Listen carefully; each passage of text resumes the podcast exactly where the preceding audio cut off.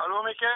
Hallo, Ragnar. Dette er altså da. Seilmagasinet som har gleden av å snakke med Ragnar Kvam i Tromsø. Eh, Og du er eh, ukens lørdagsportrett. Det kan synes eh, ikke helt tilfeldig, fordi vi har nettopp hatt et annet portrett med Tor Guldal som var uheldig i Skagerrak i en Bostrøm 37, og det er jo den samme båten som du seiler. Men det er vel kanskje den eneste likhetstrekk eh, dere to har også. Du har seilt på havet, og nå er du på vei eh, Du er vel faktisk i ferd med å snu etter en lang tur nordover på norskekysten. Fortell litt om bakgrunnen for turen, Ragnar. Ja, det begynte jo som en innskytelse i 2018. og Det er tredje sommeren jeg er her oppe rundt Polarsirkelen. Det begynte med at jeg forlot Oslo og hadde satt kurs for Lindesnes og ville vekk fra det yrende livet på sørlandskysten, som kan bli litt, eh, litt heftig iblant midtsommers. Og ville gjerne rundt i Stavanger og Bokenfjorden, kanskje. Men så, eh, da jeg kom til Tananger, ja, været var fint, og så bestemte jeg meg for å fortsette oppover Vestlandet. Og før jeg visste ordet av det, så var jeg i Brønnøysund. Og derfra så seilte jeg videre opp til Nesna for å gjøre den eh, reisen veldig kort, der jeg fant en vinterhavn og lot båten ligge der til over til 2019. Og der har jeg hatt båten enda en vinter på Nesna i, på Helgelandskysten. Og Helgelandskysten det er jo perlen på en måte av eh, seiling i Nord-Norge. Ja, det er mange perler her oppe, men eh, det begynner jo altså, det, Hele Vestlandet er jo fantastisk, men uh, Helgelandskysten er helt spesiell med vakker natur, høye fjell, et mylder av øyer, skjærgård. Eh, veldig mange steder å gjemme seg bort på et anker. Hyggelige folk i land. Eh, gjestehavner som er veldig gode. Flytebrygger eh, eh, mange steder med både vann og strøm på. Og slett ikke så dyrt som man finner det nede på f.eks. Eh, i Skagerrak. Merker du at det er større eh, båttrafikk nå i denne sommeren hvor folk eh, må feriere i Norge? Nei, egentlig ikke. Jeg, akkurat nå så sitter jeg og snakker med deg, så er jeg i Tromsø. Og her er, ligger det nå et par andre, tre andre seilbåter. Det kommer og går litt. Men det er jo når du kommer ut på, ut på vannet, så er det jo egentlig sjelden du ser andre båter. Det du ser er fiskebåter. Men det er mulig at eh, hvis det er en del av flåten eh, som kommer sørfra, de har vel satt seg i bevegelse, så de når vel nordover. Etter hvert er vi bare, for, for, fortsatt så er vi bare et stykke ut i juli. Vanligvis er jo Tromsø et godt utgangspunkt for utenlandske seilere, kanskje særlig franske, og engelske og tyske seilere som eh, skal lengre nord og som skal over til Svalbard. Men, eh, men det er det vel ikke så mange akkurat nå. Nå kom inn akkurat nå en, en stor, fin dansk seilbåt. Han kom fra Henningsvær. Nå har jeg ikke fått spurt ham hvor han skal, men, eh, men det ligger en, eh, en eh, norsk båt ved siden av meg her som skal til Svalbard. Reiser av gårde på tirsdag, er det vel. Og jeg har også møtt andre som har Svalbard som, som mål. Så Tromsø er et av de utgangspunktene som man bruker for den, den, den ferden. Men du er altså i ferd med å snu og skal eh, sørover igjen. Hva er eh, målet for sommeren? Du, altså jeg, jeg ligger i Tromsø og vurderer situasjonen eh, frem og tilbake. Eh, og jeg skal jo nedover eh, etter hvert, så skal jeg nedover til Helgelandskysten igjen, ut Lofoten kanskje. og, og hvor jeg ender opp i, i år, det er jeg ikke helt sikker på, men, eh, men jeg har bestemt meg for at jeg Jeg hadde jo tenkt at jeg skulle seile tilbake til Oslo i sommer. Men den planen er endret. Jeg kommer til å legge igjen båten et sted eh, i nord i vinter også. Mm. Var Nesna var det et eh, bra sted og et godt Ja. utgangspunkt? Ja, Nesna kan vi anbefale på det aller varmeste. Det er en veldig, veldig lun og trygg havn bak Molor. Og selv om det kan blåse litt der om vinteren, så er det ikke noe svell eller noe sjø inne i selve havna. Fine brygger. Det er helt nye brygger med strøm og, og vann. Altså vannet skrus av vinteren. Og så er det et hyggelig miljø. Det er noe som heter Nesna båtforening. De har et lite klubbhus eh, inne i havna der. Og der er det ofte litt kaffe og litt slarving og litt, eh, litt eh, smalltalk eh, på morgenen. Veldig hyggelige mennesker, og ikke, ikke så veldig dyrt er det heller. Det anbefaler Nesna for, for og det er butikk der og en liten kafé der. og Man kan få alt der. Har du vært på Træna, da? Jeg var på Træna i fjor sammen med min sønn Magnus. Vi seilte ut eh, fra Nesna og via Låvund og ut på Træna. Det er en fantastisk, eh, fantastisk vær med, med laber bris og, og, blå himmel. Og 20 varmegrader. Og det var altså så tidlig som i slutten av april i fjor. Veldig varmt. Og der Træna er jo et kapittel for seg selv. Eh, når du ser de der taggene, de tenner, hva man skal kalle stikke opp på havet ute i horisonten, så tror du ikke det er sant. Men når du nå sier at du har tenkt å beholde båten ditt i Nord-Norge, så er du blitt du er Nord-Norge-frelst, du da, kort og godt?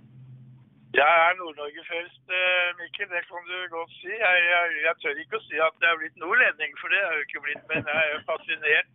Jeg er veldig fascinert av ikke minst av menneskene og gemyttet her oppe. Ja. Og det er et helt annet gemytt, kan du si, eh, i båtmiljøene her oppe enn det man finner i, i Oslofjorden og og, og Sørlandskysten, som er hyggelig nok, det er ikke det, men der er det begynt å bli ganske mye båter nå. Ja, Særlig i år ser vi jo det at det er stor båttrafikk eh, fordi ja. få, få folk reiser utenlands. utenlands. Og det er jo fint at man bruker øh, norskekysten til å feriere på, men det kan bli mye av det gode. Og det slipper du å tenke på der hvor du er. Ja, ja det er, trafikken her oppe er den, er den, lille som er, er hyggelig. Og, men det er ikke noe trengsel, noe kø eller noe, noe, kamp om plassene her oppe i nord. Det er det ikke. Det at det er stor tidevannsforskjell, skaper det noen problemer? Nei, ikke egentlig. Det, er, altså, det kan være opptil tre meter. Og eh, det er, som jeg nevnte, så er det stort sett eh, flytebrygger der man legger inn. Men hvis man skal legge seg til en fastkai, som det heter, så går jo det fint hvis man har med seg en eh, planke som man legger mellom brygga og fenderne. Da må man bare passe på å ha litt slakke fortøyninger, slik at eh, båten ikke blir hengende i, i stroppene. Mm. Og så er det det, da, i enkelte sund her oppe, så kan strømmen gå ganske stri på når det flør eller når det ebber. Det er noe som heter Rystrømmen her rett syd for eh, Bodø. Der kom jeg opp og hadde bommet helt på tidevann. Jeg fikk tidevann imot meg. Da hadde jeg en fart over grunnen på 1,7 knopp. Dvs. Si at jeg hadde en motstrøm på iallfall 4,5-5 knopp. knop. Det var jo ikke så lenge da, men det er eh, lære seg å bruke tidevannstabellene.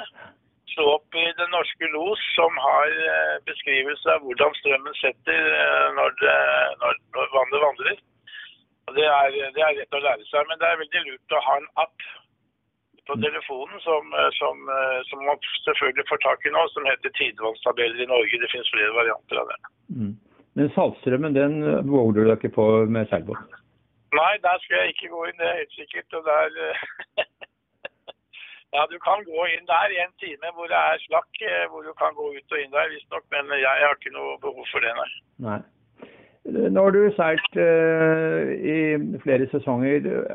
Er det noen spesielle steder du vil fremheve fremfor andre som uh, man bare må besøke? Ja, det er jo nevnt noen her nå. Da. Det er altså, Træna, og så er det Lovund. Og altså helt tatt eh, øyriket utenfor, uh, utenfor Helgelandskysten. Der er det en øy som heter Rødøya. Mm. Og der er et hyggelig bevertningssted og en veldig fin hestehavn. Og Rødøyløva, det er altså navnet på fjelltoppen på den øya. Det er 440 meter rett opp fra havet. Mm. Og Der har eh, Serpar anlagt en fin trapp nesten helt opp til toppen. Og når man kommer opp på toppen der, jeg har vært der, så har du en utsikt eh, Pass på at det er godt vær. Det har du en utsikt som er helt utrolig over Ser du alt på Helgelandskysten. Akkurat. Men du har vært på Låven? Så har du, så har du f.eks. Kjerringøy nord for uh, Bodø. Og en liten øy som heter liten og liten Fuglå, men en relativt stor øy som heter Landegode. Landegode, som de sier der oppe. Mm.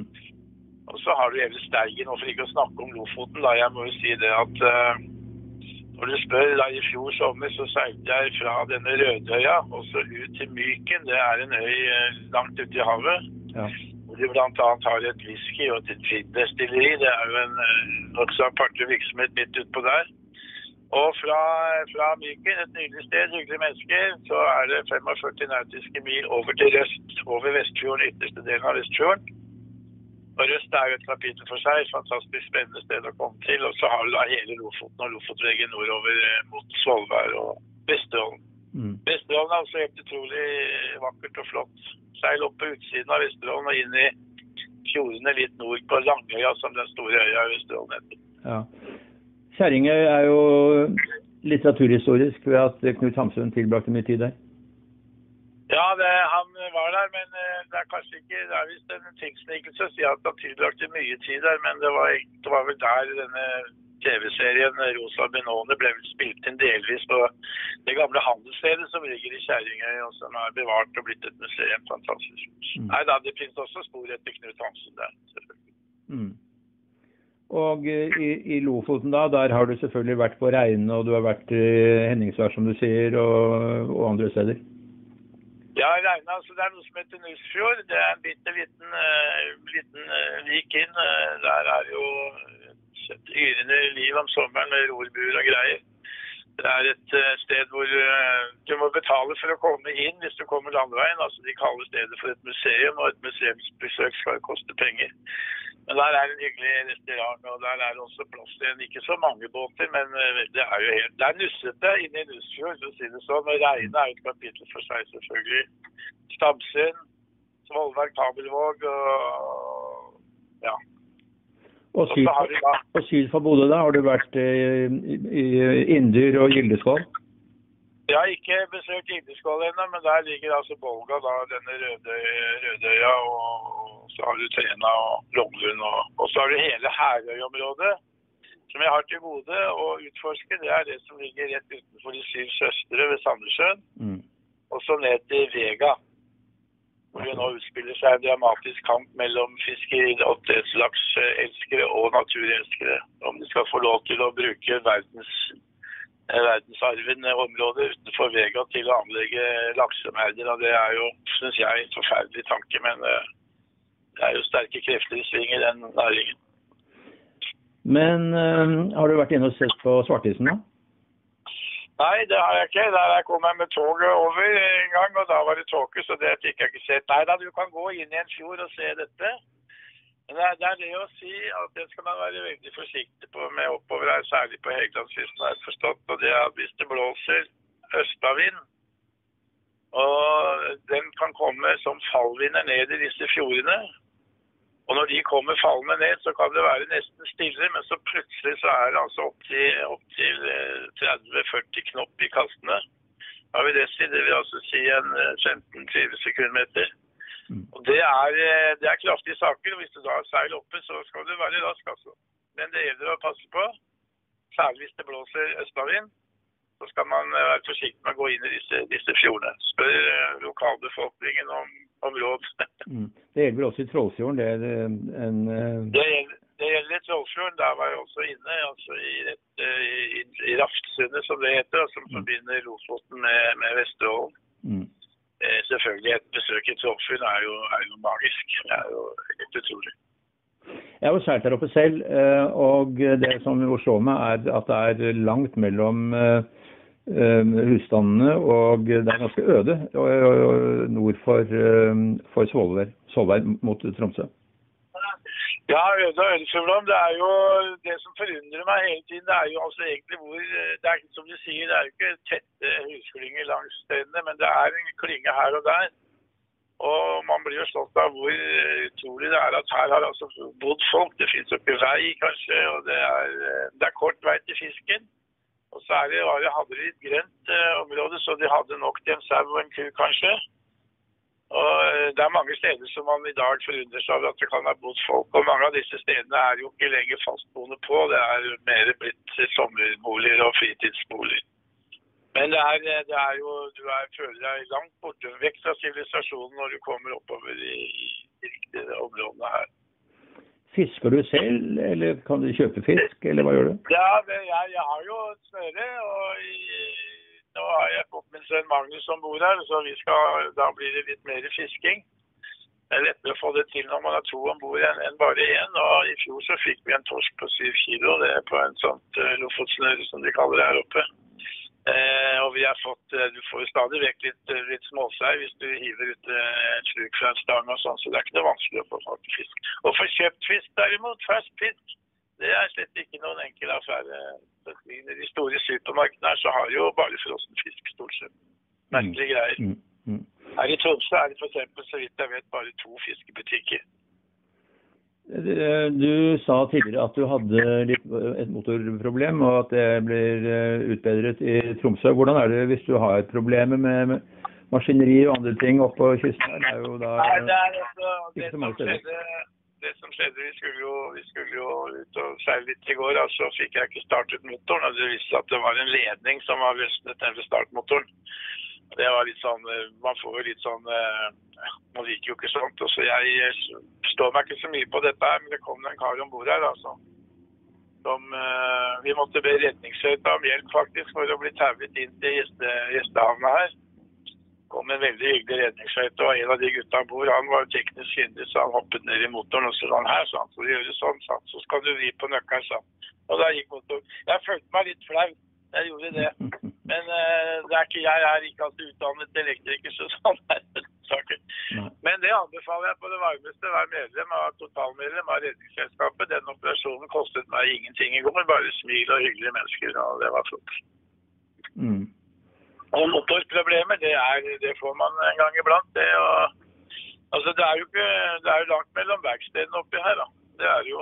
Så, så, det er lurt hvis man er noe å lure på, så er det lurt å utbedre det når man er i en større by som f.eks. Sandnessjøen er jo et sted hvor de har alt mulig tilgjengelig av elektronikk og motorkyndighet og veldig, sånn, veldig praktisk sted å få ordnet den type ting. Din tidligere, dine tidligere meriter har jo stort sett vært eh, på havet, og da under åpent eh, hav. Men du har jo selvfølgelig seilt eh, langs kystene også. og Hvordan vil du si at norskekysten står seg i forhold til de mest spektakulære stedene rundt i verden? Det er jo Altså, Noe som er ligner på altså, norskekysten, altså fra nordover her, det er jo er helt fra Stavanger oppover. Det er jo helt fantastisk alt mulig. Og eh, jeg har sett lignende ting eh, egentlig bare i Alaska. Det var jo også mektig. Da var det jo, reiste jo eh, fjellene seg Det er et fjell der som reiser seg 4000 meter rett opp fra havets overflate. Og, og du har også breer som går helt ned i, i, i fjordene det er jo et par stykker igjen av dem i Norge også, men de er på vikende front, så vidt jeg skjønner. Eh, nei, spektakulært. Eh, som jeg pleier å si, du spurte til å begynne med hvorfor jeg dro oppover her så etter hvert. Og det var jo fordi jeg hadde jo seilt så mange steder rundt omkring i verden, men aldri utforsket mitt eget land langs kysten. Jeg har vært med bil og sånne ting, og flymaskin til Tromsø og alt det der. Det har vel de fleste kanskje vært, men å seile oppover her det har vært en helt ny opplevelse. Og jeg har reist mye rundt i verden, og nå, nå reiser jeg mye i mitt eget land. Og det er liksom blitt kronen på verket, for å si det sånn. Ja. Og det kan man jo trygt gjøre i løpet av en eh, sommerferie. Bøker reise frem og tilbake eh, på en sesong, men man kan reise nordover en sesong og la båten ligge igjen. og komme tilbake igjen sesongen etter, f.eks. Ja, det er det faktisk flere og flere som gjør, av inntrykk av. Noen, er, noen reiser opp og blir her oppe og drar hjem en samme sesong. Men det er, eh, det er, ikke uvanlig at folk legger inn båtene sine. og Det er flere trygge steder å legge inn båtene. Og det er ikke noe vanskelig å finne mennesker som passer på båten for deg mens du er borte. De er så hjelpsomme og hyggelige og, og greie eh, de fleste steder at det, det, det, det kan jeg anbefale på det absolutt varmeste. Man skal ikke si noe galt om folk fra andre landsdeler, men det er vel ikke tvil om at nordlendingene er spesielt hyggelige? Det er ikke noe galt å si det, Mikkel. Det er kjempehyggelig. Det er en av grunnene til at jeg eh, Jeg skal fortelle deg, i fjor så var det en uh, båtmesse i Sandnessjøen. Og jeg hadde jo båten min på Nesna, det er 15-16 nautiske mil unna. Så ble jeg invitert ned der med båten min uh, og ligge der i, på denne båtutstillingen. Og, og jeg sa ja til det, så det var veldig hyggelig. Og det var flere folk som kom om bord for å se på båten. Og de hadde jo lest bøkene mine mange og syntes det var moro å prate. Men der ble jeg også spurt om jeg kunne tenke meg å åpne hele båtmessa, så så å si klippe snora. Og da sa jeg i min lille tale som jeg holdt da, så sa jeg mot slutten der at jeg har seilt mange steder i verden, som dere vet, mange av dere. Men aldri har jeg seilt et sted med så vakker natur og samtidig så mange hyggelige mennesker som her på Helgelandskysten, sa jeg.